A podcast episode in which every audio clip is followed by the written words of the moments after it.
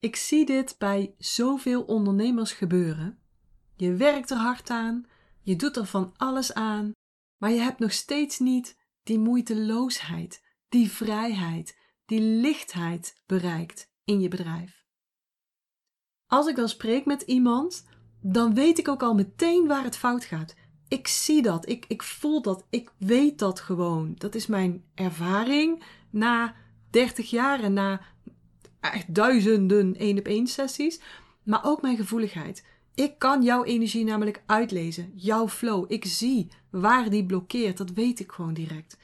En daarom podcast ik ook, om jou mee te nemen in de dingen die ik zie, die ik meemaak. En zodat ik jou met die voorbeelden ook kan laten zien waar het mogelijk bij jou blokkeert. En waarom jij dus nog niet die moeiteloosheid, die vrijheid, die lichtheid in je bedrijf en in je leven dus ook hebt bereikt. En vandaag heb ik daar ook weer een mooi voorbeeld van voor jou. En dat gaat met name over consumeren ten opzichte van implementeren. Als je dat verschil gaat zien en bij jezelf gaat veranderen, dan en ook pas dan gaat er echt een hele shift plaatsvinden. Nou, ik sprak van de week met een klant en zij zei: Janine, ik raak altijd zo uit mijn energie wanneer ik onder mensen ben. Vooral in grote groepen. Andere mensen ja, doen dat met mijn energie, of dat gebeurt in ieder geval. En dat is als ondernemer natuurlijk helemaal niet handig, want daardoor ga je uit de flow. En als je, als, als je uit flow bent, dan gaat alles natuurlijk moeilijker, zwaarder. En dan, dan ehm, kun je ook niet zo goed die overvloed bereiken. Niet zo makkelijk in ieder geval. Dus ik had haar oefeningen gegeven om te doen. En na een week uh, spraken we elkaar weer en toen vroeg ik: Heb je die oefening nog gedaan? Heb je hem ingetraind? En toen zei ze: Nee, ik heb eigenlijk heel weinig tijd gehad deze week. En het was ook niet zo nodig, want ik, ik had geen grote groepen. Ik bevond me niet veel in gezelschap. En toen dacht ik: Oh ja, oei. Een beetje verkeerde communicatie aan mijn kant. Ik ben niet helemaal duidelijk geweest wat ik ermee wilde. En het maakte ook weer heel mooi duidelijk wat er dan gebeurde. En, en waar heel veel ondernemers, heel veel van mijn mensen, zich ook vaak in vergissen. En waarom ze dus nog niet vanuit die moeiteloosheid kunnen ondernemen en dat overvloed kunnen bereiken. Even een side note trouwens: moeiteloosheid betekent niet dat je er helemaal niets aan hoeft te doen. Soms is het echt verrekkers hard werken voordat je op moeiteloosheid uitkomt. Het is een proces. Bijvoorbeeld een stukje wandelen. Dat gaat bij mij moeiteloos. Maar ik heb er in het begin toch best wel op moeten oefenen. En ik ben ook heel vaak op mijn bibs, op die luier gevallen. Maar nu loop ik moeiteloos. Wil ik gaan rennen, gaan hardlopen, dan is het een heel ander verhaal. Dan is nu, dat nu absoluut niet moeiteloos, laat maar zeggen. Maar ik weet zeker, zodra ik ga trainen en zodra ik een half uur kan hardlopen, dan zijn die eerste vijf of tien minuten echt wel moeiteloos. En daar zie ik het dan ook vaak fout gaan. Ook in het werken aan jezelf. Wat ik vaak zie is dat mensen veel consumeren. Dus boeken lezen, workshops volgen, podcasts luisteren. En dan wel de oefeningen doen, de vragen beantwoorden, er wel induiken. Maar dan houdt het daarna ook op. Dus ze stellen zichzelf wel de vragen, krijgen er wel inzichten bij, maar daar blijft het dan bij. Ze doen een oefening, misschien één of twee keer, en daar blijft het dan bij. Maar dan kom je niet verder. Inzicht zonder actie gaat je niet vooruit helpen, gaat je niet doen groeien, gaat je niet beter doen worden in bepaalde dingen. En een oefening een paar keer doen ook niet. Want meestal zit het effect van de oefening niet in het doen van de oefening zelf. En net zoals bij het lopen en bij het hardlopen. Of stel je hebt een hobby en daarvoor moet je steeds een doos optillen van, van 25 kilo. Ik noem maar even wat, hè. En je kunt dat nu niet. Dan ga je trainen. Ga je misschien naar de sportschool. Zeg je tegen zo'n trainer: Nou, luister, zo en zo is het verhaal. Zegt die trainer: Nou, moet u die oefening doen. Start maar met, we doen even een testje, 5 kilo. Nou, dan kun je het nog steeds niet. Want je traint met die 5 kilo. Je bent die oefening aan het doen, 5 kilo. Maar je kunt nog steeds niet die doos van 25 kilo optillen. Maar je blijft wel trainen. En je blijft ook exact diezelfde oefening doen. Je gaat niet die oefening veranderen. Want ja, nou ik twee keer 5 kilo opgetild, kan ik nog steeds niet die doos van 25 kilo tillen.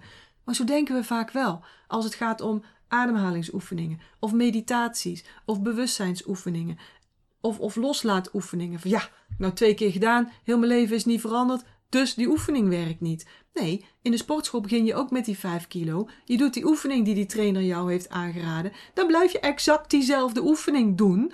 Maar je gaat wel op een gegeven moment van 5 naar 6 kilo, van 6 naar 7. En op een gegeven moment zit je op 10 kilo. Kan je het nog steeds niet. Wat blijf je dan doen? Of wat, wat doe je dan? Blijf je dan oefenen of, of kap je ermee? Nee, je blijft trainen. Je blijft gewoon drie keer in de week diezelfde oefening doen. En je blijft volhouden. Je zegt niet, ik stop ermee, want ik kan het nog steeds niet. Je blijft volhouden. En op een gegeven moment kan je 15 kilo. En op een glorieuze dag, jawel, kan je ineens die doos van 25 kilo. Of dat, die oefening met 25 kilo doen. En dus ook die doos van 25 kilo tillen. Maar je besluit om nog even verder door te trainen, zodat je met 30 kilo de oefening kan doen. En dan, en ook pas dan, is die doos van 25 kilo ineens moeiteloos geworden. Dus er zit heel wat werk aan vooraf voordat iets moeiteloos is. Iets wat je nu niet kunt of wat nu niet moeiteloos is, gaat ook niet in twee seconden moeiteloos worden. Daar moet je even werk voor verrichten. En soms is dat verrekkers hard werken. Maar als je dat dan doet, dan is het daarna ook moeiteloos. Die beloning is daarna dan ook mega groot. Moet je het daarna wel bijhouden, net als met de training. Want als je die, die 30 kilo eenmaal kan doen, die oefening, en je traint niet meer, je zegt, nou hè, het is geregeld, ik kan dit, ik kan die dozen tillen, nu is het klaar. Maar ja, die hobby is niet klaar, want je blijft die hobby houden en je blijft die dozen van 25 kilo moeten kunnen tillen. Dan moet je ook die oefening met 30 kilo blijven volhouden. Want als je even niet traint, dan ga je achteruit. Je, jullie zijn allemaal vast nog wel eens een keer in de sportschool geweest en heb je vast ervaren dat wanneer je iets op hebt gebouwd en je doet er een tijdje niks meer aan, dat het dan afneemt. Nou, zo gaat het ook met de meeste oefeningen en de meeste tools op het gebied van persoonlijke ontwikkeling. Je moet ze dus doen, je moet ze opbouwen, je moet ze vol blijven houden totdat je daar bent waar je wilt zijn. Dan ga je er iets overheen, dan word je er nog iets beter in en dan wordt het daaronder dus moeitelozer. En dan moet je dit wel gaan bijhouden. Je moet die oefening met die 30 kilo blijven doen, zodat je die doos van 25 moeiteloos kan blijven tillen. Dus het is ophouden, uh, ophouden. Nee, niet ophouden. Nee, het is opbouwen en dan bijhouden. Niet ophouden. Dus die doos, zei ik tegen mijn klant, die doos van 25 kilo is jouw energie in grote groepen. Zo moet je het eigenlijk zien. Dus je moet die oefening doen om te komen tot die 25 kilo.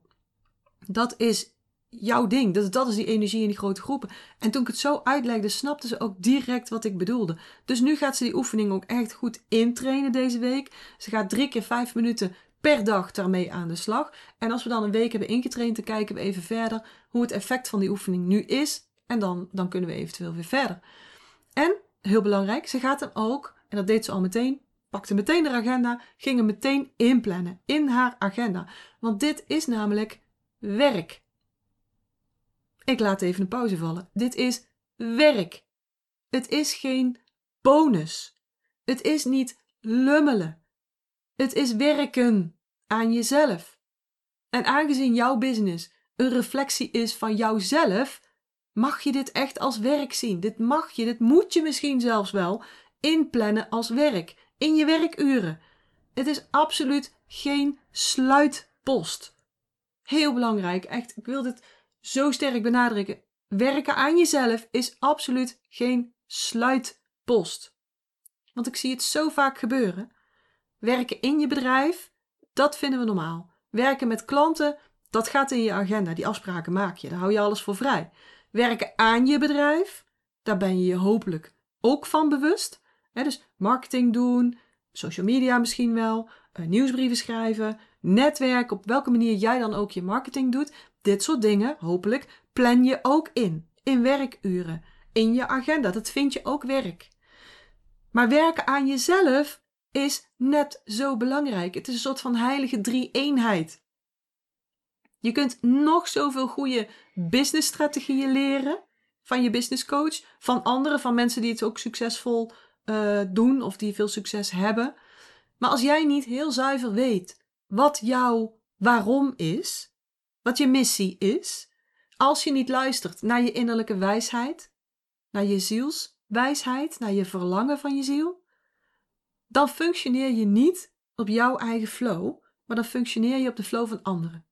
En daar word je ongelukkig van. Daarvan raak je niet voldaan. Misschien word je daar zelfs wel overprikkeld van, overwerkt.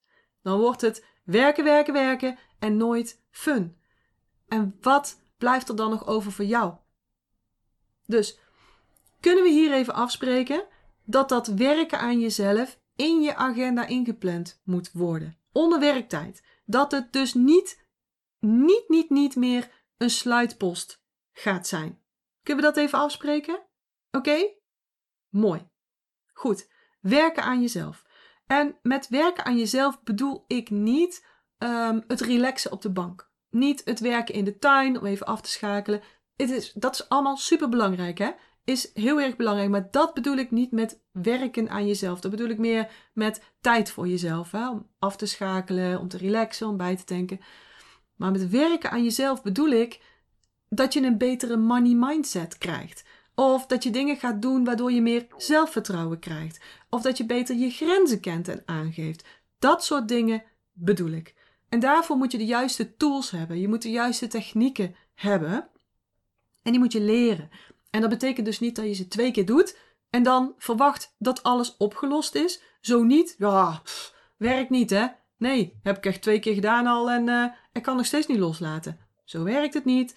Hè? Als je twee keer naar de sportschool gaat en je trekt daar uh, leuk even twee setjes van, uh, drie setjes van 12 aan die 5 kilo, dan kun je niet verwachten dat je moeiteloos die hobbydoos van 25 kilo kunt verplaatsen. Niet logisch, toch? Wat je wel kunt doen, wat je wel zou moeten doen eigenlijk. En ik zeg altijd: je moet iets kennen, je moet iets kunnen, dan moet je het doen, doen, doen, doen, dan moet je het volhouden. En dan pas heeft het waarde, dan pas kun je het echt toepassen daar waar het voor bedoeld was om te gaan oefenen.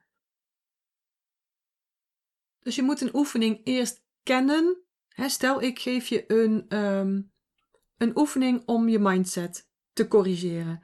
En daarbij leer ik je tappen op bepaalde meridianen, zodat je heel makkelijk die mindset kunt corrigeren. Zodat het ook echt embodied is in je lichaam. Werkt, ik wil zeggen, werkt als het niet. Werkt echt heel goed.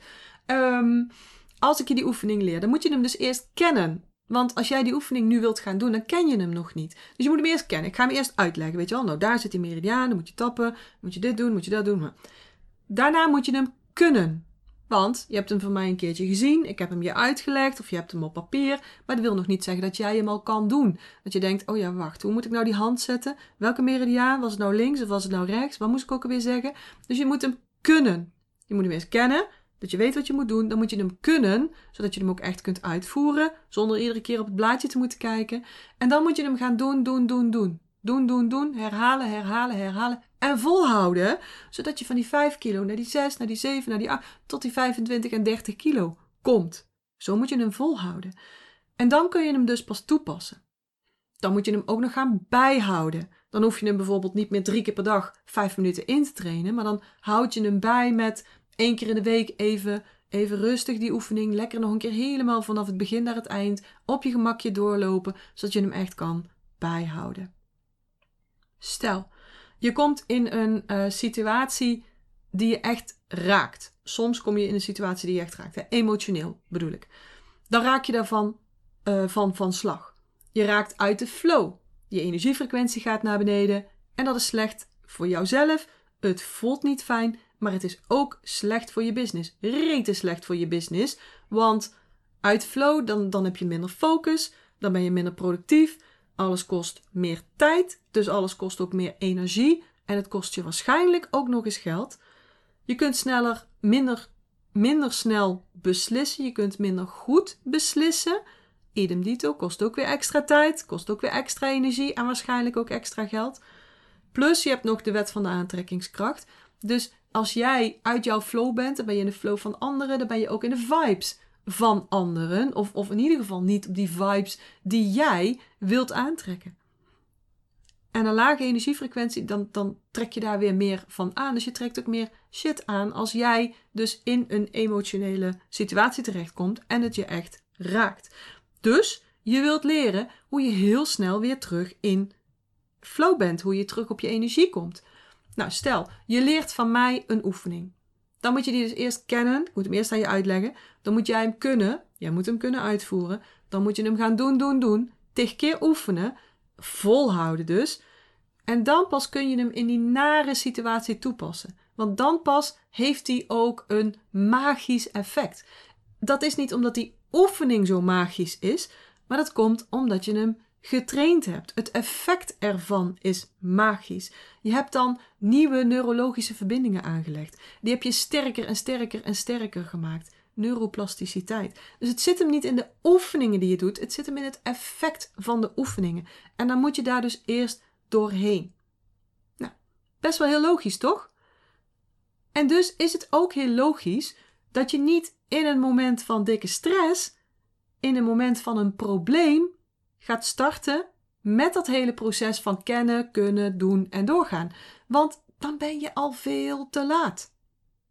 Dan moet je dus al eerder gaan starten.